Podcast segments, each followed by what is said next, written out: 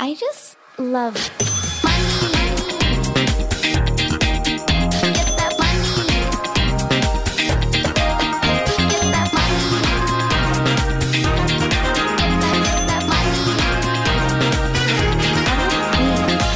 God mandag og hjertelig velkommen til en ny episode av Karrierekvinner. Og i dag for første gang med meg, Anette, som programleder. Det er veldig stas. Jeg gleder meg skikkelig til det her.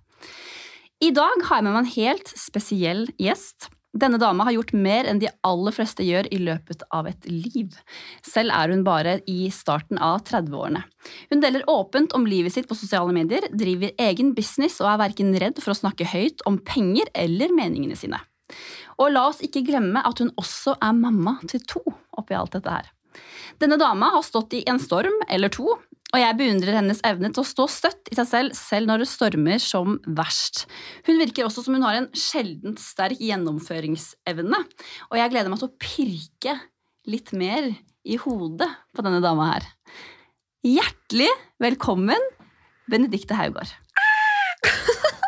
Jeg har gåsehud, og det er så sjukt at nå har du tatt over podcasten, og jeg bare synes det er så kult, og takk for en sykt fin intro. Det har du fortjent. Herregud, så, så rart å bli intervjua i eh, holdt jeg på å si, eh, det som var min eh, egen podkast. Nå er det du som har tatt over her, men herregud, tusen takk. Det er så stas å ha deg her. Hvordan føles det å være intervjuobjekt for første gang? Eh, nei, det er veldig rart å um, Altså, jeg har jo gjesta mange podcaster, men det er veldig rart å høre um, For det første å sitte i sin egen podkast og vite at det her skal ut i Karrierekvinner, liksom, med deg på coveret. Dritkult. Og det å få en sånn intro, og liksom hvordan andre ser på deg utenifra. Mm. Fordi det tenker man jo ikke så mye på selv, annet enn hvis det er den indre selvkritikeren da, som bare sånn 'Å, herregud, hva tenker folk om det her?' Men man tenker jo ikke den positive delen av seg selv, dessverre. Dessverre. dessverre. Men derfor eh, er du her nå. og gleder Mhm. meg veldig til det. Og så tenker jeg at Selv om lytterne er godt kjent med deg fra før, så Mhm. har jeg fortsatt lyst til å stille det klassiske spørsmålet Hvem er Benedikte? Oi, den kom, ja! Nei, Benedicte, Benedikte, 32 år. Um, jeg syns fortsatt det er rart å si at jeg jobber som influenser. Når folk spør, så liker jeg fortsatt å si liksom uh, Jeg er utdanna journalist, uh, men nå er jeg selvstendig næringsdrivende.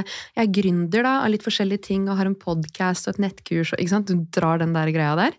Uh, men jeg skal stå i det. Jeg er influenser, og jeg driver et influensenettkurs. Influencer Pro. Um, to barn, mann og hus og båt og hytte og super A4-liv, egentlig. Um, og jobber masse. Så jeg har jo ikke hatt noen permisjon heller med yngstemann, og bare hoppa rett ut i det. Det er så vilt at ikke du har hatt noen permisjon. Det må vi dykke litt ned i Ja, nei, det er litt sjukt. Men eh, nei, jeg er ei jente med mange jern i ilden. Um, og hvis det går liksom fem minutter uten at jeg har noe å finne på, så finner jeg på et nytt prosjekt, og så glemmer jeg liksom at å ja, du har fortsatt de tusen andre prosjektene som du glemte å tenke på akkurat der og da. Så jeg er litt sånn, litt jeg er litt maur i ræva, rett og slett. Ja, det er så inspirerende. Det er derfor det er så gøy å ha deg i dag. Jeg tror det er veldig veldig mange som vil høre enda mer av deg og din historie. Ja. Tror jeg mange kommer til å bli inspirert av. Åh, vi får se på det, da. Nei da, men det her er kult. Jeg husker jo deg fra Top Model. Jeg var sånn, Nå vet jeg hva du skal si. Ja.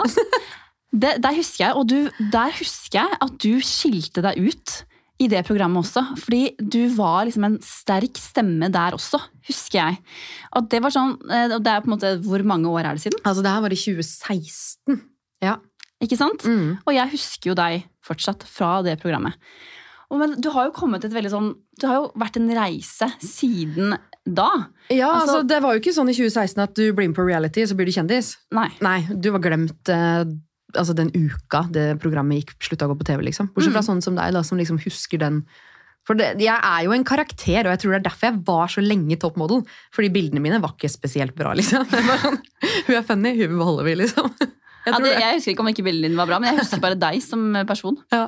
Nei, altså når jeg kom hjem fra Top Model, så ringte hun sjefen i Discover meg og bare Altså, jeg tror vi døper det programmet her til The Benedicte Show. Det er jo helt rått. Så jeg bare ja, hvor er TV-forespørslene? Men følte du at det var liksom starten på at du ønska å ha altså det som er et offentlig yrke, da? Um, altså, jeg har det er, det er så rart å si det, for jeg har alltid skjønt at jeg vil noe mer enn veldig mange i liksom oppveksten min og i familien og vennegjengen og sånn. Jeg har alltid skjønt at jeg vil noe mer. Jeg har aldri liksom slått meg til ro med At jeg bare skal ha en sånn åtte til fire-jobb og komme hjem til mann og barn, liksom. Det har jeg på en måte alltid visst. Um, og så hadde jeg, når jeg var yngre, uh, veldig sånn passion for tekst og foto, og jeg studerte journalistikk, og jeg var bare sånn Jeg har lyst til å jobbe med kjendiser, jeg vil bli kjendisjournalist, liksom. Og så på et tidspunkt så snudde det bare. Nei, vet du hva. Jeg skal være hun som de intervjuer, jeg. Det er så rått. Så jeg bare Nei, vet du, nå, nå, nå går vi en helt annen vei her. Det er jo helt fantastisk at du på en måte bare Ok, jeg finner ut av det, men hvordan, hvor tror du det skiftet der kom, liksom? Jeg, jeg vet ikke helt, men det er vel noen som har fora opp under et eller annet ego, da. Under eh, liksom starten av Insta, Snapchat, eh, karrieren, toppmodell, jeg aner ikke. Det er et eller annet ego som har blitt fora på veien, som bare gjorde at det liksom snudde litt. Det er veldig kult Ja. å høre. Men du har jo nevnt at du har jobbet som journalist. Mhm. Hvor lenge jobba du som journalist, da? Nei, jeg ble utdanna i Jeg var vel ferdig i 2013, og så er det jo sånn, da, dessverre, alle som begynner på journaliststudiet nå, dere blir lurt trill rundt, for det er bare sånn Det er uendelig med jobber til dere, og man tenkte liksom at når man går ut av skolen, så står jo folk omtrent og gir deg jobben i hånda. Eh, Sånn var det ikke. Veldig få i klassen min som fikk fast jobb, så jeg fikk ikke fast jobb som journalist før fem år seinere, faktisk. Så jeg jobba bare masse, masse, masse frilans. Og det er jo også en ting i den bransjen at uh, de brenner jo opp folk, for det er jo bare frilanskontrakter, og maks ett år her og ett år der, og det er liksom bare du flyr dit og dit og jobber deltid her og der, og bare stress. Um, men så uh, kjøpte jeg jo hus i Svelvik, som jeg bor i nå, og da tenkte jeg ok, nå eh, vil jeg ha en trygg inntekt. Uh, jeg vil ha en åtte til fire-jobb, altså det høres ikke ut som meg i det hele tatt, Uh, i et mediehus. Så jeg blei frontsjef i en lokalavis, og sa meg fornøyd med det i begynnelsen. I begynnelsen, ja. I begynnelsen. Hva skjedde videre da, når du ikke ble fornøyd? Nei, um, jeg opplevde at Altså, jeg jobba jo i en avis hvor det var, det var liksom gutteklubben-grei. Alle sammen var dritgode venner. Vi uh, festa sammen, dro på festivaler, vi hadde det sjukt kult. Eh, vi var liksom skikkelig en kompisgjeng, da. Um, men så sprakk det litt når jeg ble gravid. Ok. Akkurat som om det kom som lyn fra klar himmel når en 27-28 år gammel dame blir gravid. Det burde jo ikke vært noe sjokk. Absolutt ikke. Det burde være, ligge ganske i kortene for mange, i hvert fall. Det Ja. burde ikke være en utenkelig ting. Nei. Ehm, og uten å utlevere, da, så gikk det jo bare nedenom og hjem egentlig etter det. Så det blei mye uh, angst, depresjon, jeg blei sykemeldt. Uh, jeg var nesten redd i mange tilfeller for å møte på kollegaer og arbeidsgiver, og det blei rett og slett veldig giftig og veldig uh, skummelt, og jeg låste meg egentlig inne den siste delen av svangerskapet. Um, tørte ikke å gå på yoga eller svømming, selv om legen liksom hadde sagt at det er bra for bekkenet mitt, og siden jeg var sykemeldt, og følte liksom at Sånn som mange kanskje kjenner på, da, dårlig samvittighet for hvorfor skal jeg dra på svømming og yoga hvis jeg ikke kan gå på jobb? Og det fikk jeg jo også høre. Hvis du klarer det, så klarer du jo også det. Jeg blir, så, jeg blir så sint av å høre på det, for det er så klassisk. jeg vet det. Og sånn er det jo med altså, For alle, om det er om man er sykemeldt med om det er fysisk eller psykisk. Mm. Eh, Det er jo heldigvis mer snakka om nå. Da. Jeg ser veldig mange psykologer som går ut i reels og sier det her at selv om du er sykemeldt, så skal du gjøre ting som gjør deg godt. Enten om det er å være med venner, dyrke en hobby eller interesse, trene. Eh, og jeg bare følte at eh, det ikke var lov der, da. Så jeg fikk liksom aldri hodet over vann. Jeg fikk liksom aldri sjansen til å bli frisk og komme tilbake igjen. Nei, for Hvis man tenker at man skal bli bedre av å sitte inne i leiligheten sin eller huset sitt og se i veggen, Mm. da blir man jo ikke fora med noe positivt. Nei, og det ble jeg jo ikke. Så jeg skjønte da at uh, jeg skal aldri tilbake igjen dit. Nei. Mm. Men da er det sånn fra å Da skulle du føde ditt første barn, da. Ja. Og da vil det jo, høres jo det ut som du nesten hadde en liten type depresjon i svangerskapet, da. Jeg hadde jo det, fordi det er jo det jeg liksom sa litt i forrige episode når vi snakka sammen, at eh, Eller sa jeg, vet ikke om jeg sa det off, eh, off record, eller hva jeg sa, men uansett at man ikke husker liksom det første året. Eh, og det kommer jo 100% av det, pluss veldig mange andre ting, da. Uh, en måned før jeg ble gravid, så ble jeg utsatt for et overgrep av en nabo. Uh, så midt oppi liksom svangerskap, alt det her med jobben, så var det jo eh, angst og redsel for det her. Eh, det var rettssaker, masse advokatmøter. Um, jeg vant rettssaken, han anka. Jeg måtte inn i en ny rettssak. Jeg sto med baby, seks uker gammel baby på armen i min første rettssak. Um, Det er jo helt, Jeg får helt gåsehud over hele kroppen. Det er jo ja, det var heftig. Det var sjukt heftig. Um, og jeg bare tenker tilbake igjen på det nå at Og jeg hadde jo mann på sjøen. Han var jo tre-fire uker av gårde på sjøen om gangen. Uh, og så bare sånn, Det er ikke rart jeg ikke huska noe. Når Det det, er var så ikke rart du ikke huska noe. At du hele tatt måtte gjennom det. Det er, ikke, det er jo ikke noe man skal måtte oppleve. Det må ha vært Nei, nei. utrolig tøft. Det var kjempetøft, um, men så var det sånn at det ble ikke synlig for meg at Jeg vet jo fortsatt ikke om det var en fødselsdepresjon, eller om det bare var Jeg har liksom snakka med psykologer og coacher om det her, sånn om det var en depresjon pga. fødsel. Det var vel mer en depresjon pga. ytre omstendigheter, å prøve å separere de to tingene. Mm. For jeg, Det tok jo veldig lang tid før vi klarte å bestemme oss for om vi ville ha et barn til. I dag er jeg jo tobarnsmor. Eh, Og for å komme dit så måtte jeg klare å separere hva var det som gjorde at jeg var deprimert i den perioden. Var det barnet? For i så fall vil jeg ikke ha et barn til. Eller var det alt utenfor? Så klarte jeg jo til slutt å komme dit at det handla jo ingenting om graviditeten eller barnet. Men hvordan kom du dit? At du, hvis det er andre som står i en lignende situasjon, da, Mm. hvordan klarte du liksom å skille de to tingene fra hverandre og finne ut at det ikke handla om barnet, men om de ytre faktorene? Det var mye beinhard hjelp fra en av Norges beste psykologer, eh, rett og slett. Eh, Han har dessverre slutta, det var en liten krise for meg når han slutta. um, men eh, det var rett og slett bare å kartlegge um, altså hvordan jeg oppførte meg egentlig da, i de første månedene av svangerskapet. Fordi jeg var ikke redd for å dra ut med Lea. Jeg hadde med henne overalt. Vi var på Svelvikdagene, som er en festival. Jeg hadde henne med i 30-årslag, selvfølgelig før folk begynte å drikke. og hele pakka der.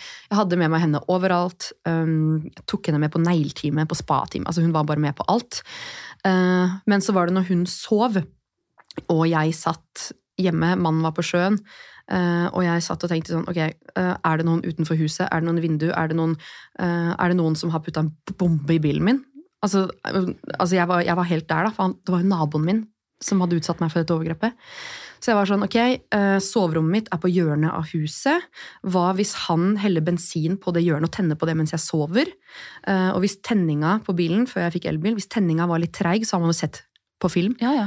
at da kan det være en bilbombe. Altså Jeg hadde så mye sånn angst for sånne ting. Jeg installerte liksom flombelysning rundt huset, og mm, naboene måtte liksom følge med for meg. Uh, og så skjønte jeg liksom Ok, jeg har det kjempebra når Lea er våken. Problemet kommer når hun sover, og jeg er aleine. Hva er det jeg tenker på og er redd for? Det er jo andre ting, ikke sant? Ja, altså Det høres ut som du hele tiden har vært i en sånn skikkelig sånn overlevelses- eller sånn Mm. fryktmodus. da. Ja, ja, ja. Å kjenne på det hele tiden må jo være utrolig belastende over lang tid. da. Kjempeslitsomt. Um, og så var det jo sånn at uh, media tok jo tak i den saken her òg, så den blei liksom kjempestor. Da følte jeg på en måte at jeg fikk alle øynene på meg, for jeg måtte liksom Jeg følte liksom at det her blei en sånn um, prinsippsak, fordi politiet trua med å henlegge saken når det var så sterke beviser. Uh, jeg hadde uh, altså alle bevis i verden som man kan få, og de trua likevel med å ikke ta det til retten. Og da måtte jeg jo bare eh, Det var egentlig sånn jeg fikk en del følgere også. fordi jeg bare, Det, det klikka for meg. bare sånn, Det her er så urettferdig for alle kvinner. Så jeg lagde en stor liksom, kampanje eh, som het hashtag vi nekter, hvor jeg fikk med mange overgrepsofre som vi nekter å ikke bli hørt. Vi nekter at sakene skal henlegges. Um, det ble en stor mediesak. Uh, jeg var på forsiden av alle aviser hvor det sto liksom 'kritisere rettssystemet', 'kritisere politiet', bla, bla, bla. Så liksom i tillegg til å stå i det da, og ha en liten baby, så fikk jeg liksom alle øynene på meg sånn utenifra også. Um, så det var rett og slett bare beinhardt. Men til slutt, jeg bare Når jeg vant den siste ankesaken altså, tror ikke du skjønner hvor mye skuldrene senka seg, liksom. Nei, det, tror jeg, det tror jeg ikke at jeg kan skjønne, Nei. som ikke har vært i den situasjonen. Nei, Men det jeg sitter igjen og tenker når du forteller det her, det er hva er det som gjør at du er en som tør da, eller som klarer, når du har det så tøft, Mm. å stå fram og ta den kampen også for andre kvinner? Hvordan, hva er det i deg som gjør at det tør du, og det, at det klarer du? Jeg aner ikke. Jeg, jeg, har ikke noe, jeg har ikke noe svar på det. Uh, og liksom, Det er jo mange som er sånn der, ja, du tør å si meningene dine, du tør å gjøre ditt, du tør å gå i debatt med Fredrik Solvang. du tør. Jeg aner ikke. Jeg har liksom ikke noen forklaring på det. Man kan liksom si ja, jeg har hatt en trygg oppvekst og bla, bla, bla. jeg har hatt altså ditt og datt, Men det er sånn, ingen av foreldrene mine hadde gjort det samme eller turt det samme. Nei, for jeg kjenner meg veldig igjen i det at jeg, jeg syns det kan være kjempespennende Nei, spennende, ikke spennende, absolutt ikke. Jeg syns det kan være veldig skummelt Ja. å dele liksom, mine meninger og mine opplevelser. Og jeg har jo ikke opplevd i nærheten av det Mm. du har opplevd der. Mens du, når du står i liksom, noe som er så sårbart, i tillegg at du har et lite barn, Mm. og du vet at du har bestemt deg for at ikke du skal tilbake til den jobben du har, så alt i livet ditt høres egentlig ut som det var Mm. veldig sånn usikkert og mye Ja, frykt, da.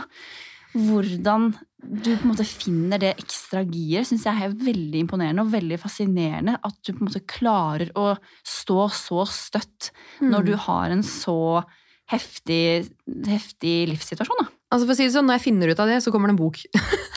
Please, please skriv er den boka. sånn, jeg skal, altså, jeg skal finne ut av det her. Jeg går jo fortsatt til livsmestringscoach, og vi har ikke begynt å dykke i den hendelsen der engang. Vi har fortsatt i barndommen min, liksom. Mm. Um, så hvis jeg finner ut av det der, så kommer en bok. Uh, fordi det lurer jeg veldig på sjøl, og det tror jeg liksom Altså det er kanskje det jeg får mest spørsmål av. Sånn, hvor får du den derre driven fra når alt bukker imot, liksom? Ja, for det er også noe av det som fascinerer meg mest med deg. Vi to kjenner jo ikke hverandre noe godt Nei, fra nei, før i nei. det hele tatt. Men det er liksom det som jeg sitter igjen med, det inntrykket av deg, at du er, du er veldig sterk, og du Mm. men samtidig du er sterk på en måte at du tør å være sårbar. Og jeg tipper jo at du også sikkert er noen kommentarer du får på oh, hvorfor deler du her, deler du det her av Mm. oppmerksomhet? Ja, ja, ja. Hva, hva tenker du da, eller hva svarer du de som skriver til deg? Eh, Hvorfor trenger du å ta dette her offentlig? Det gjør du bare for å få flere følgere eller Ja, ja, ja. for å få mediedekning. Nei, altså um, Jeg får faktisk ganske sjelden sånne type kommentarer. Uh, det går egentlig på helt andre ting. Men uh, når jeg får liksom Hvis det skulle vært en sånn kommentar, da, så må jeg jo bare tenke at uh, 99,8% av de menneskene jeg ønsker å nå ut til, de følger meg fordi de liker meg. Og så er det 0,2% som følger meg fordi de hater meg. Mm. Og de 0,2 prosentene, det er ikke mennesker jeg hadde bedt om et råd om i mitt virkelige liv. Det er ikke mennesker jeg hadde invitert på middag. Det er ikke mennesker jeg hadde villet hatt i livet mitt. Hadde det vært mora mi eller en av venninnene mine, så hadde jeg kutta dem ut, liksom. Uansett hvor glad jeg hadde vært i de. Så jeg er liksom sånn De driter jeg rett og slett litt i. Jeg, bare, jeg har lagd meg en sånn indre bilde, når det kommer til egentlig alle nettroll, av hvordan de ser ut. At de sitter liksom i Jeg vet hva de har på seg, hvordan de ser ut på håret, at de sitter der med sin røde prins Mill liksom, i en kjellerleilighet. Jeg har bare- lagd meg et sånt nettroll som jeg ser for meg hver gang jeg får en kommentar. Så ser jeg det nettrollet for meg, og så ler jeg litt. Altså, det er jo et nydelig verktøy. Ja. Altså, alle som står i en lignende situasjon, Ja, ja, ja. lag deg det mentale bildet. Hvem er det som sender den meldinga? Og så bare Å ja, herregud, det er hun, ja. Hvorfor faen skal jeg høre på hun, liksom? Ja, også som Du sier, du ville ikke, vil ikke invitert en person inn i livet ditt og spurt Mm-mm. om råd uansett. Nei. Og du kan jo, man kan jo aldri please alle. Nei, man og, kan ikke vinne. Nei, og det er jo noe som jeg også syns er veldig imponerende med deg, for du tør jo å dele meningene dine og Mm. snakke høyt om både det med økonomi, men også Mm. å liksom skrive debattinnlegg og være synlig med dine sterke meninger, som du Jeg regner med at du vet at noen uansett vil være Mm. uenig, og på en måte gå til motmæle mot det. da. Det er, jeg syns bare det er kjempe, kjempefascinerende. Men har du alltid hatt det i det? Altså, jeg har alltid vært hun som uh, har vært det naturlige elevrådsledervalget. Jeg kunne sett det for meg. Jeg har alltid vært russepresidenten, jeg har vært ansvarlig for fadderuka i studien. Jeg har alltid vært hun der liksom, som skriker høyt og fikser ting og ordner ting. Og liksom, ja. uh, Så det er vel et eller annet sånn Og så er jeg løve. Ja. Og det er en eller annen sånn derre ledergen Jeg vet ikke, det der å gå i spissen og ta kampen, om det er for deg selv eller andre. Jeg syns ofte det er mye lettere å ta den kampen for andre enn seg selv. Ja. Um, men jeg tar den gjerne for meg selv også. Um, men og så er det også det at meningene mine er jo ikke så Jeg har jo ikke noen sånn kontroversielle meninger. Eksempel Onlyfans-debatten. Jeg vet jo at de fleste er jo enige med meg. Mm. Så det er ikke sånn at jeg liksom øh, har en mening som jeg tenker at hele verden egentlig er uenig i, da. Nei. Og så er jeg litt sånn, så lenge jeg vet 100% sikkert at det her kan jeg stå inne hvorfor skal jeg ikke liksom tørre å si det høyt? Nei, og det syns jeg er så bra. For det er jo liksom, jeg kan jo være veldig bare én og uenig med meg, så kan, ja. så kan jeg synes det er skummelt. Jo, men det, det kan man føle på uansett. Mm. Det er sånn der, um, Jeg kan ofte lage en hel story-sekvens på Snapchat basert på én melding jeg får. Ja. Si at jeg har en Snapchat-dag, da, og så er det 100 kommentarer, og alle er superpositive, men så er det én som stikker litt. Mm. Og da er det den som kanskje får litt for mye oppmerksomhet. Mm. Eh, Men da kan jeg lage en hel sånn sekvens på liksom, lage en svær debatt eller mening eller noe om det der. Og så kan jeg liksom gå og legge meg på kvelden bare Angst!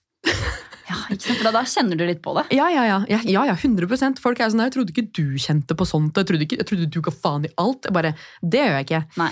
Um, så jeg kan også gå og legge meg liksom, og hatt en debatt og bare sånn Å, fy faen, der sa jeg kanskje noe feil. Der dreit jeg meg ut. Bla, bla, bla. Uh, men igjen, det er menneskelig. Så er det egentlig bare å legge seg paddeflat da, hvis du driter deg ut. Ja, for det er jo egentlig ikke noe verre enn det. Det er ikke verre enn det. Men Og folk da- har glemt det om én dag, liksom. Ja, Folk klarer har allerede glemt hele Dubai-gate-debatten med alle bloggerne. Nå er det jo superhot å reise til Dubai. Folk glemmer alt. Mm. Så, Det er jo både på godt og vondt. Ja. at det er sånn. mm. Men jeg har lyst til å gå litt tilbake til eh, når du bestemte deg. Du sa at du bestemte deg for at du visste at du aldri kunne tilbake til den jobben. Mm. For der ble du ikke bra nok behandla, og det var ikke det du skulle gjøre. Mm. Og du står oppi alt det her, men da det er jo da jeg har fått inntrykk av at ting virkelig starta for deg også. Eh, Ja. Jeg, når Lea var ni måneder gammel, ish, var det det? Ja, da skulle jo jeg tilbake igjen i uh, jobb. Og takk, jeg vet ikke om jeg skal takke, jeg, Gud holdt jeg på å si, for at pandemien kom. For da ble jeg permittert. Ja. Så det kunne ikke passa bedre, for jeg hadde så angst for å gå tilbake igjen til den jobben. Jeg bare sånn, uh, Det går ikke. Uh, så jeg blei permittert i et halvt år. Og da visste jeg at eh, den 13. oktober så må jeg gå inn den døra der og starte på jobb igjen. Og jeg bare sånn Ikke faen. Nei, Så det ble en sånn uh, spark i ræva. Det ble et skikkelig spark i ræva. Um, så da tenkte jeg bare ok, jeg har begynt å få liksom litt drypp av noe samarbeid. Jeg hadde jo bare 6000 følgere på Instagram. Ingen på Snapchat. Uh, nå har jeg 100 000 på de to plattformene. Ja. Um, og det starta bare med at uh, jeg utvida nettverket mitt. Begynte å bli litt mer interessert i hvem er det som er på sosiale medier. I den sfæren her og i min nisje. Begynte liksom å reach out, bli kjent med folk, møte folk. Um, Starta jo Equal Agency med Donna og Caroline, uh, hvor vi hadde som mål å bygge nettverk. Beste vi kunne gjort ever, egentlig. Uh, for vi fikk jo nettverk av influensere, av bedrifter, av SoMe-byråer, av alt. Begynte å gjestesnappe for en av landets største mamma-Snapchat-kanaler, og ga så mye av meg sjøl at jeg til slutt ble fast. Og det er mange tilfeller at jeg tenkte fy faen, nå har jeg gitt altfor mye av meg sjøl. Men så tenker jeg, vet du hva, jeg gikk fra 6000 følgere til eh, 14 000 på et par måneder. Så noe må jeg ha gjort riktig likevel, Mm. liksom. Selv om det sikkert var mange av nettrolla som fant meg den perioden som skyteskive. Men, eh, og da var det egentlig bare å kontakte alt som kunne kontaktes, og bygge nettverk og gønne på. Um, og det som kanskje hjalp meg mest, var å si målene mine høyt. Ja, for det, der òg skiller du deg ut. For det er veldig mange sier ikke snakk høyt om målene dine før du har Mm. oppnådd dem. Men det, det er ikke din filosofi. Nei, fordi jeg mener at det er bullshit, og jeg er så lei av uh, spesielt folk, influensere, da, som um, sier at de jobber med et prosjekt, eksempel. Um, og så plutselig så bare Det lanseres den datoen. Jeg har et hemmelig prosjekt! ikke sant? Ja, ja. Og så plutselig så bare boom! Jeg har lansert bok! eh, et eller annet sånt. Og så bare sånn, Jeg syns det er mye kulere å kunne si sånn, sånn som jeg, da. Jeg skal klare å lansere Influence Bro i Norge og, eller i Sverige og Danmark. Og det kommer til å skje, for jeg har sagt det høyt. Um, og som vi om i sted, folk har kanskje glemt det, men det er alltid noen som kommer til å holde deg accountable for hva du har sagt høyt. Mm. Uh, så det må jo bare skje. Uh, og jeg har sagt at en gang skal jeg skrive en bok. Det må bare skje, for nå har jeg sagt det høyt. Um, og på den første, eller en av de første eventene vi hadde med Equal Agency, så sa jeg at jeg skal Da var det tre måneder til jeg skulle tilbake igjen til jobb. Da sa jeg jeg skal ikke tilbake igjen til jobb. Den dagen jeg skal starte, skal jeg levere oppsigelsen min isteden. Og det sa du høyt. Ja. Og det er, altså, du, du manifesterer jo, du, egentlig. Høyt foran alle. Høyt foran alle. Ja. For det, mens andre, da, Mhm. inkludert meg selv, selv, liksom. ja, eller, og kan kjenne på frykten for å mislykkes, at mm. den tar over all plassen, mm. så er du en som heller sier det høyt, og egentlig kanskje da altså Du bruker det som et eh, middel til å liksom kjenne at du må gønne enda mer på, Ja. men du er, er du da ikke redd for å gå ut med det hvis det ikke lykkes, da? Nei, for det er jo det vi snakka om i stad. Sånn, det er kanskje noen som liksom holder deg accountable, men de fleste har glemt det. Ikke sant? Når jeg sier den 13. oktober, så skal jeg si opp jobben min. Ja. Folk vet at jeg skal si opp jobben min, men ingen husker at det er 13. oktober. Og det har du helt rett i. Mm. Men er det mange som, får du mange tilbakemeldinger på når du, når du sier sånne ting høyt? Hva slags tilbakemeldinger får du da fra de som følger deg? Nå får jeg bare I begynnelsen så var det litt sånn derre Å, herregud, hvem er det du tror at du er, liksom. Eh, Men nå er det bare sånn derre at folk, folk digger det, liksom. Og det her kommer du til å få til, og jeg gleder meg til å følge reisen din, og hva er det du skal, hva er målet ditt, og du, du, du, du. Altså, jeg selv syns det er kjempeinspirerende, og du har faktisk vært en direkte inspirasjon for meg, for at jeg har turt å dele liksom, høyt om den reisen jeg er på med meg også, som akkurat har startet for meg selv. Og tørre å si det høyt. For hva er det verste som kan skje? Det er at ikke det går. Men sannsynligvis så går det. Ja, men ikke sant? Det er nettopp det. Og når du, når du legger fra deg alle de timene og den energien på den andre jobben, så får du for det første du får de samme timene som du kan bruke i din egen jobb. Du får mye mer energi fordi du gjør ting du virkelig elsker. Det kommer til å gå. Du må bare gi deg selv den tiden. Og det er så mange som ja, jeg driver og bygger opp min egen bedrift ved siden av en 100% stilling. Jeg bare sånn, Det kommer til å ta jævlig lang tid. Mm. Og jeg skjønner at det kan føles som en trygg vei å gjøre det på den måten, Mm. men jeg er enig med deg. at det er liksom, Til slutt så kommer det til et punkt hvor du kanskje bare må, Mm. må kjøre på og Ja. bare satse på det. Og det syns jeg også er viktig å få frem. Og det med at, for det er veldig mange som er sånn med alder. Ja. At enten de er for gamle eller for unge. Men altså, Nei. du må ha din reise. Gjør din Mm. greie, gjør det når det passer. Og ikke være redd for å hoppe litt ut i ting noen ganger heller. Selvfølgelig ta hensyn til de tingene du skjønner sjøl at du må ta hensyn til. Mm. Men ja, Så det syns jeg er skikkelig inspirerende. Og så er jo sannheten at det går ikke an å gå på ræva i Norge.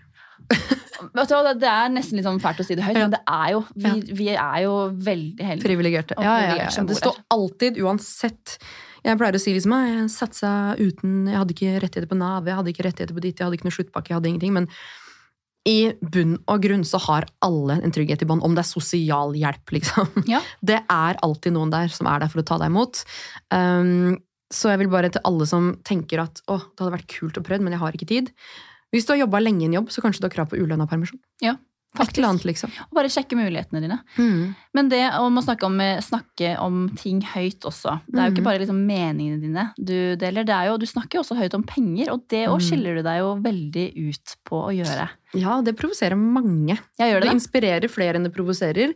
Eh, Men det er jo blant annet en sånn, jeg kaller det bare sånn der um, clout chaser-influencer, som egentlig har fått følgere av å slenge dritt om influensere. Jeg skal ikke si hvem det er. Men eh, eh, jeg tror hun har en eget høydepunkt på sin Instagram som handler om at jeg snakker høyt om penger. Wow. Ja, jeg er bare sånn, ok, du er besatt.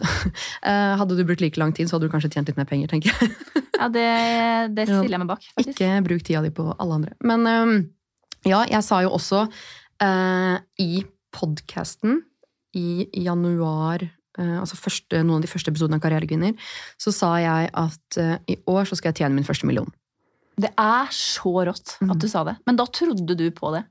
Eh, ja, ja. Uh, jeg måtte jo bare tro på det. Ja. Og jeg, jeg skulle få det til. Det var liksom ikke noe, det var ikke noe snakk om. Um, og det året omsatte jeg for 1,5 million. Det er så godt.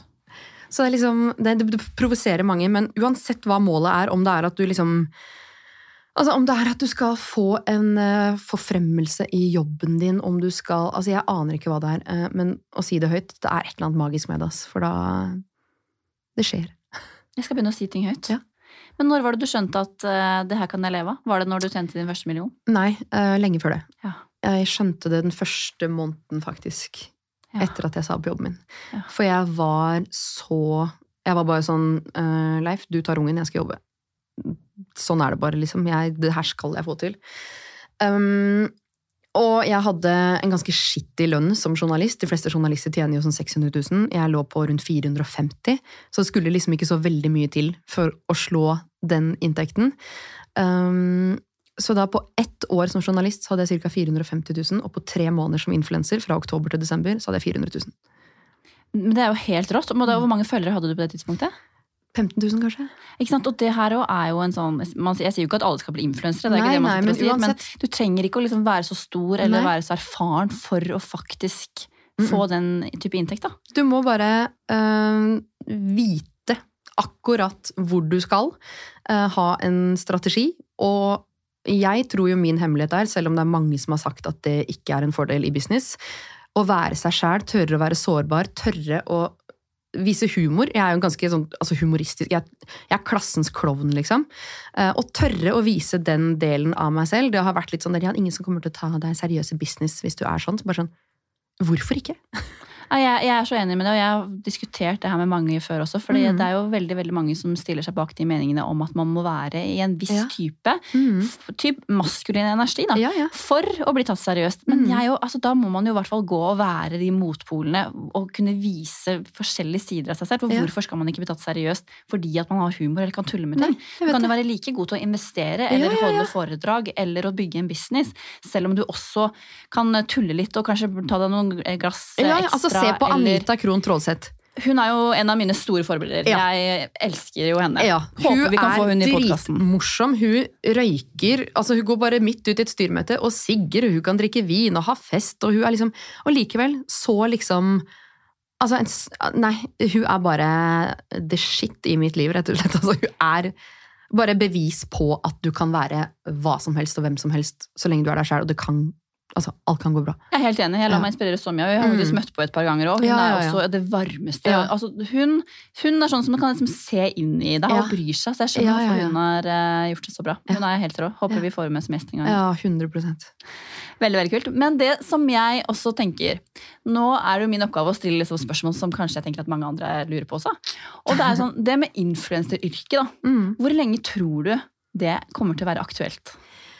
Altså, det er jo for det første veldig vanskelig å svare på, eh, men eh, i eh, Altså, vi hadde jo blogg, og det gikk jo over.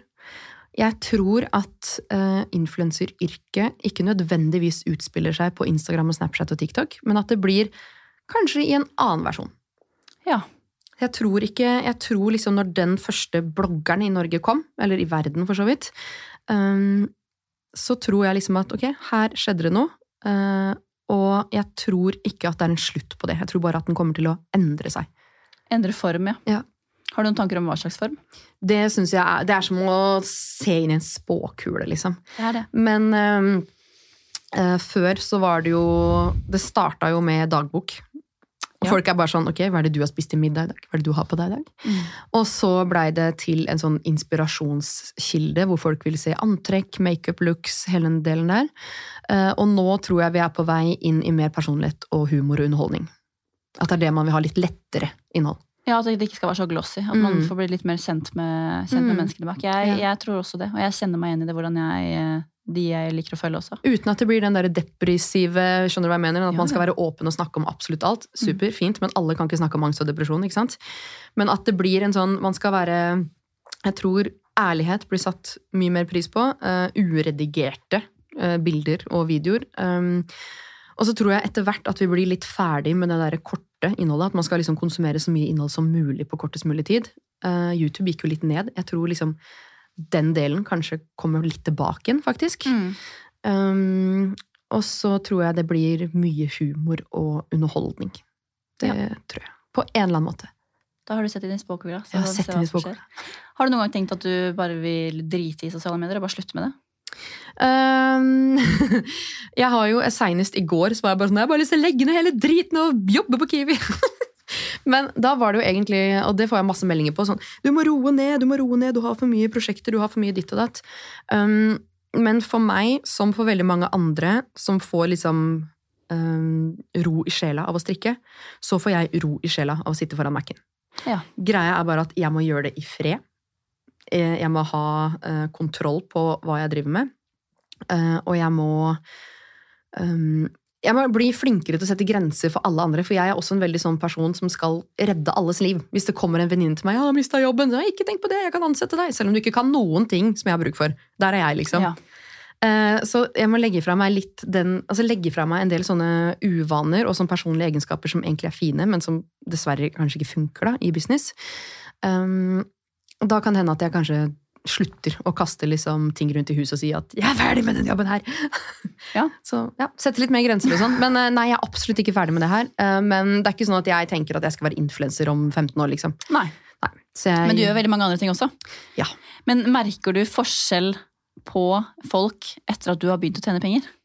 Eh, ja. Både på godt og vondt. Eh, jeg mista en del venner, tror jeg, i misunnelse. Ja. For man har alltid vært på det samme stedet i livet. Eh, og jeg kjente at når Altså, jo finere bil jeg fikk, hvis jeg pussa opp huset, uansett hva som skjedde, så ble det hakka på, liksom. Og jeg har fin bil, men stygg farge. Skjønner jeg kunne begynne å få sånne ting eh, fra venner. Um, og så uh, Nei, det var bare mange som bare blei borte. Fordi man kanskje ikke hadde den samme driven. da, At man hadde lyst til det samme, men så fort én får det til, så er det sånn Jeg blir jo mer inspirert hvis jeg er i et nettverk hvor folk får det til. Sånn, Mm. ok, hvis du, får, hvis du klarer det, så klarer jeg det òg. Ja. Men det er jo mange som liksom falt av litt på veien, da, fordi man kanskje ikke hadde den samme staminaen. da. Hadde de Mm. samme måla, men ikke kanskje den samme gjennomføringsevnen. Ikke sant? Og kanskje det bare er en del av liksom, livets eh, Mhm. reise. At det, Og det kan hende de får det til om fem år. Ikke sant? ikke sant? Men da er de på et sted hvor de Ja, ja, ja. Og, og da er kanskje de også på et sted hvor de unner eh, hverandre mm. det på en annen måte. For det handler jo, det er jo som vi har snakka om tidligere utenfor podkasten, men det er jo hvor du er i livet ditt selv. Mm. Det jo, og det er jo viktig for deg da å sette, deg, sette de grensene for deg sjøl. At det kan liksom ikke du ha i livet ditt. Men eh, rett og slett ikke. Nei. Um, Og så det ble jo litt sånn survival of the fittest, holdt jeg på å si. Folk, altså, det er ikke mange det er snakk om, men de sklei bare så naturlig bort. Eh, Ja. Fortsatt liksom venner når man møtes og sånn. Men så tror jeg ikke det handler om penger nødvendigvis, men bare den derre friheten til å kunne dra på ferie når andre ikke har muligheten. Eh, friheten til å kjøpe seg en bil som ikke det er noe problem med på bremser og lys og ikke sant, et eller annet. Bare eh, ja, friheten til å kunne dra på massasje og spa en gang i måneden og gjøre liksom sånne ting. Um, akkurat som man vokste litt fra hverandre i det, men så skal det også sies at det er ingen av mine venner, de gode vennene jeg har hatt siden barndommen, som merker på meg at jeg har mer penger nå. I verste fall så drysser det på dem, for jeg spanderer jo på alle. um, så det er uh, Jeg tar med folk på båtturer, jeg kan ta med folk på ferieturer, spandere en ferietur på venninna mi, liksom gjøre sånne ting, da, og det syns jeg bare er veldig hyggelig. Mm. Så Ja, for det var litt oppfølgingsspørsmålet mitt, om du kjenner om du har endra deg nå etter at du begynte å få penger. Nei, jeg føler ikke det. Det er kanskje litt mer sånn ok, jeg kan kjøpe meg ting jeg ønsker meg, uh, men jeg ser ikke noe annerledes på meg selv eller livet mitt eller de andre vennene mine uh, eller noe sånt. Jeg er egentlig bare veldig takknemlig for at uh, at jeg har økonomisk frihet til å ikke være redd for renteoppgang, eksempel. Kjempetakknemlig for det. Og så er jeg takknemlig for at jeg kan foreslå for vennene mine at ok, du trives ikke i jobben din, eh, skal jeg spandere et eh, kurs på deg? Har lyst til å bli negletekniker? Her, 20 000, ta det kurset. Eh, har lyst til å bli vippetekniker? Kom igjen, let's go, liksom. Mm. Um, og ja, hvis noen i familien har dårlig råd, uh, kunne gi dem et eller annet sånt. da. At det er på en måte Ja, ikke da at jeg har blitt en bedre person av å få penger, men jeg føler liksom at jeg kan hjelpe folk på en litt annen måte. Mm, og det må være lov å si, å si høyt òg, for det kan Ja. du jo faktisk. Mm. Al- Altså, Og at man velger å bruke de pengene på nettopp det. da. For jeg Ja. kunne jo valgt å liksom kjøpe meg en enda fancy bil. Altså Jeg kunne gått ut og kjøpt meg en Porsche, men jeg driter i biler, så hvorfor skal jeg kjøpe meg en Porsche? Mm. Da er det jo ikke, da er det ikke min interesse, det er for å flashe for andre. mm, ikke sant? Jeg er interessert i båt, jeg, ikke bil, liksom. så det er sånn, ja, nei, jeg føler ikke at jeg har endra meg noe annet enn at ok, kult, jeg går med et Hermé-armbånd her og har en Louis Vuitton-veske, liksom, men det har, det har ikke noe å si sånn. Nei. Nei. Du legger liksom ikke lykken din i de materialistiske Nei. tingene. Og så har jeg jo skjønt det nå at det varer jo, det var jo ikke lenge. Og det er fælt å si det når man driver og jager sånn. Um, men jeg er sånn, jeg kunne kjøpe ny bil, og så idet jeg liksom har kjørt den ut, så bare sånn Da var det gjort. Hva er neste mål? Kjøpe ny båt. Ja, nei, men Fint, da var den på plass. Hva skal vi ha nå? Ja, hytte, ja. Så fikk jeg nøklene i hånda. Bare ble ikke lykkelig av det heller, gitt. Men er det sånn som alltid har materialistiske mål å på en måte belønne deg med? Eh, nei, jeg har ingen materialistiske mål nå, for eksempel. Nei. Har ikke det. Spennende. Eller altså, ja, man kan få en finere, nyere, større båt, Mm. og det er vi på visning på. Eh, men nå er jeg mer der at jeg vil reise. Det er liksom mitt neste mål. Ja. Tid. Og nå skal dere ut og reise òg. Ja. Hva er det dere skal nå da neste gang? Nei, nå er det jo tre måneder i Spania, eh, så det gleder jeg meg veldig til. Bare prøve å få en hverdag der nede. Nei, vi har bare leid eh, et stort hus med basseng og plass til masse venner og familie. Booka barnehageplass til Lea Nå rapa jeg, unnskyld. Det er lov å rape. Lov. um, Booka barnehageplass til Lea, sånn at hun får seg noen venner der nede. Ja. Eh, og bare kose oss. Er og det at du, du har muligheten til å gjøre noe sånt som det, og det er jo bare Mm. helt fantastisk. Du må være så stolt av deg selv, og du har bygd opp det, det livet for deg selv. Ja, nei, det, det er veldig sjeldent at jeg kjenner på stolthet, og det er litt dumt, men det tror jeg kanskje bunner ut i at jeg ikke har kanskje en leder da, som gir meg en klapp på skuldra. Ja, da kan jeg gjøre det i dag. Ja. Jeg gir deg en klapp på skuldra. Det er veldig imponerende. Men jeg har lyst til å dypdykke enda litt mer i det med business. Det er jo en karrierepodkast, det her. Og du, mm. apropos det med at du kan kjøpe kurs for venner som trenger, trenger hjelp. Du driver jo et kjempestort og Mm. mye omtalt kurs Ja. selv, Influencer Pro. Og Yes. jeg kan faktisk eh, avsløre at jeg selv har tatt det kurset. ja. Fordi jeg har ikke noe kontaktnett innenfor den bransjen her, og jeg har fått så mye hjelp av eh, det kurset, og det gidder vi ikke å merke som reklame, for det her det er kjøpt selv. genuin kjøpt det sjøl. Ja. Jeg har kjøpt det sjøl. Så det, nei, jeg har fått så mye hjelp, og på en måte bare det med prissetting, og Mm. hvordan du skal ta kontakt med andre i bransjen, og det med at det er en egen, eh, en egen, bolke for innholdsproduksjon. Mm. Nei, jeg, jeg har fått masse hjelp av det, og jeg har lyst til at du skal fortelle litt mer om det kurset og om ideen bak det. Og du har jo også Ja. stått i mye For det har jo fått veldig mye medieblest de siste månedene. Ja, det er litt gøy. Det kan vi komme tilbake igjen til. For det gir seg tydeligvis aldri. Men det starta jo med Vi eh, hadde jo Equal Agency, hvor vi hadde litt forskjellig eh, Det var jo eventer, men også medlemskap. Eh, Og da hadde vi et medlemskap for bedrifter som ønsker å utvikle bedriften sin, og så hadde vi et medlemskap for influensespirer som har lyst til å lære å tjene penger på sosiale medier. Um, og i begynnelsen så var det her liksom bare en sånn medlemsportal med litt sånn PDF-er og videoer og sånt.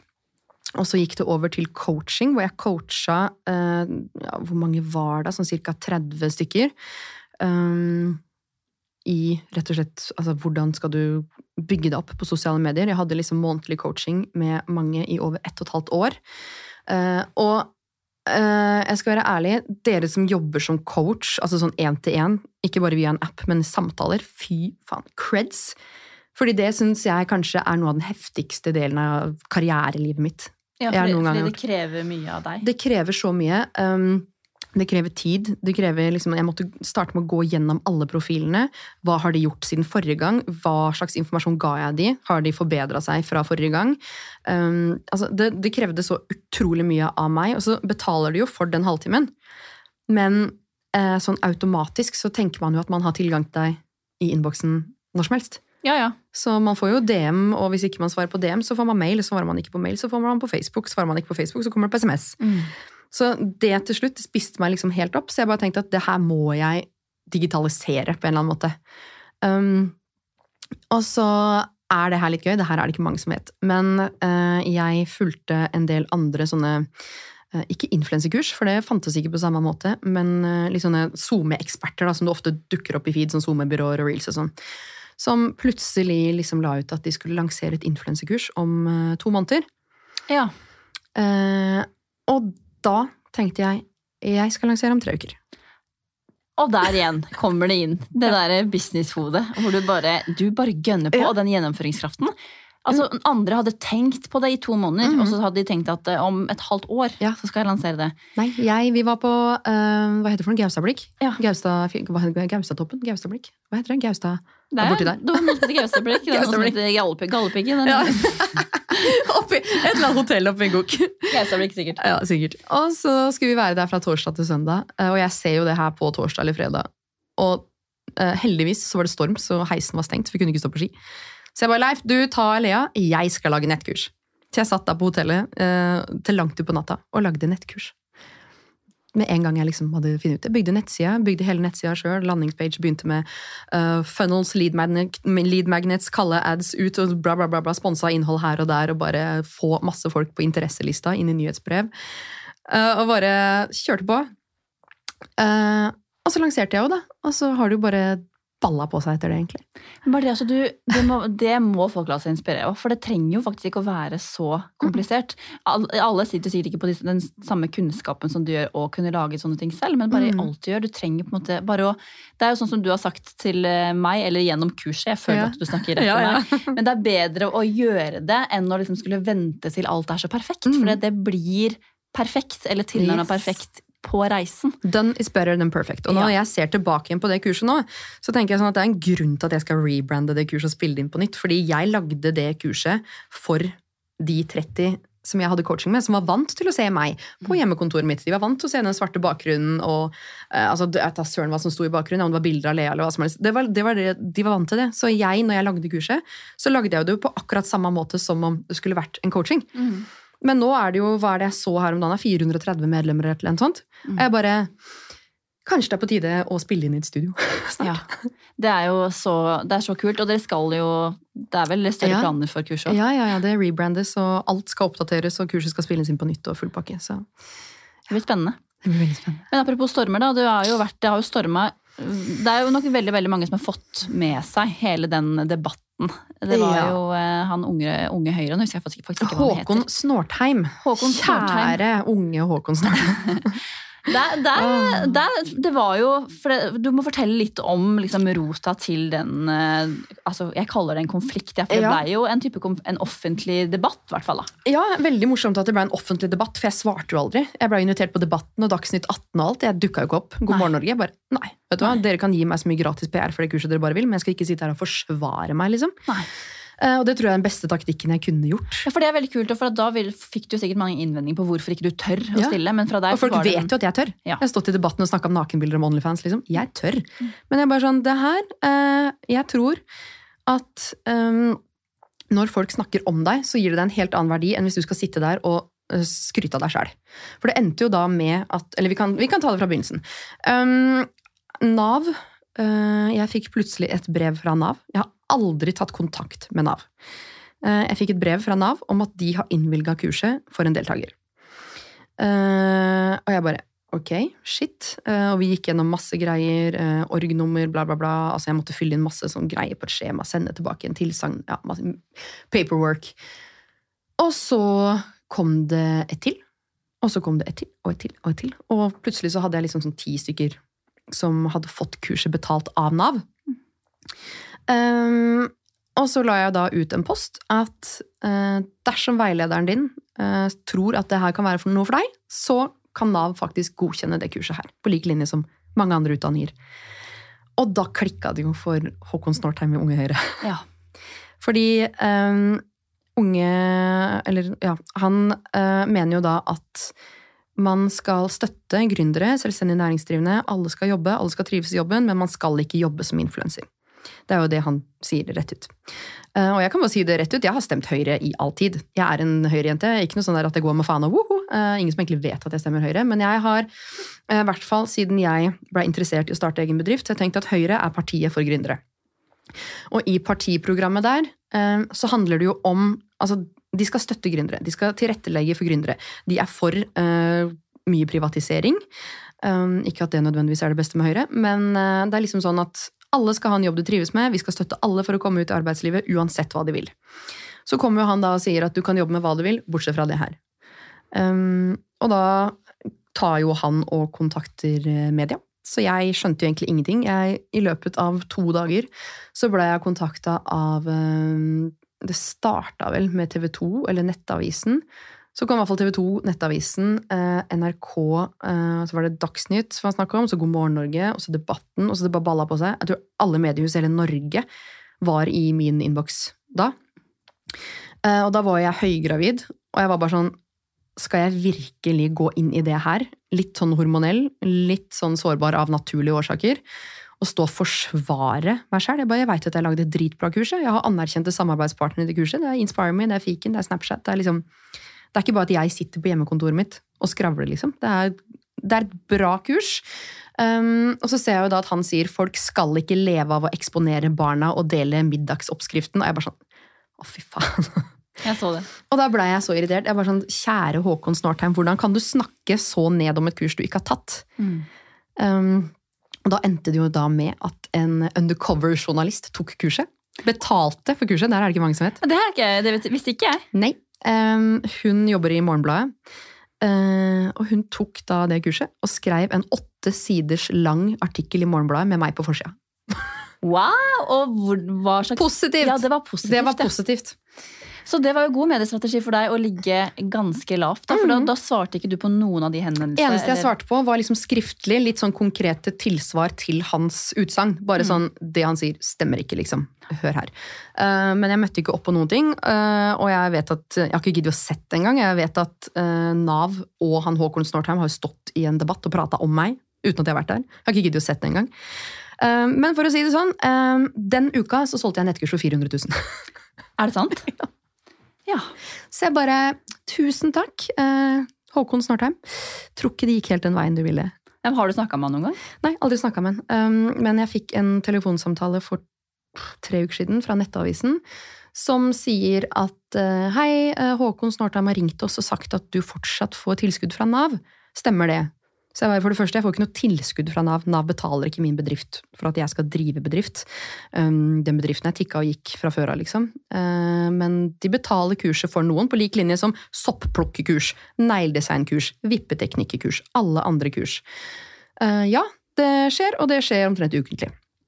Så da har jo han da ringt da, for å skape liksom blest igjen, så nå veit jeg at det er en ny mediesak ute og går, men jeg har ikke giddet å google det eller lest. Jeg driter i det. Jeg ser bare på tallene mine, hvor mange sidebesøk jeg har på nettsida. Det er et mindset som jeg tror mange skal eh, lære masse av. Ikke legg deg så mye bort i det. Eh, Sånn, I det yrket her, om man er offentlig, hvis noen snakker om deg, eh, enten det er positivt eller negativt, det kommer alltid til å komme til din fordel. Mm. Mm.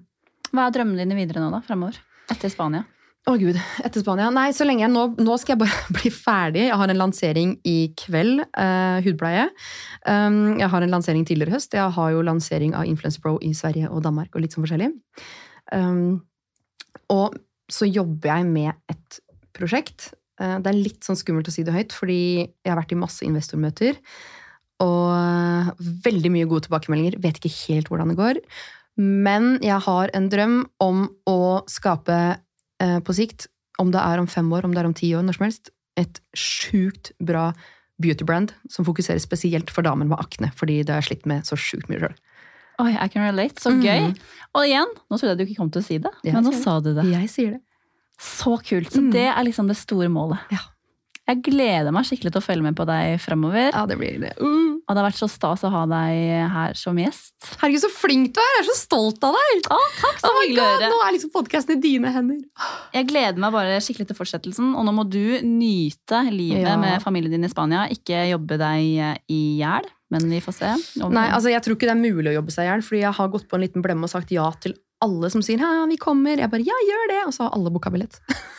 Stas. Det blir gøy uansett. Det blir veldig bra. God tur. eh, Og dere som lytter, dere må gjerne abonnere på eh, Karrierekvinner-podkasten. Og så høres vi igjen om en uke. Ha det bra! Ha det! I just love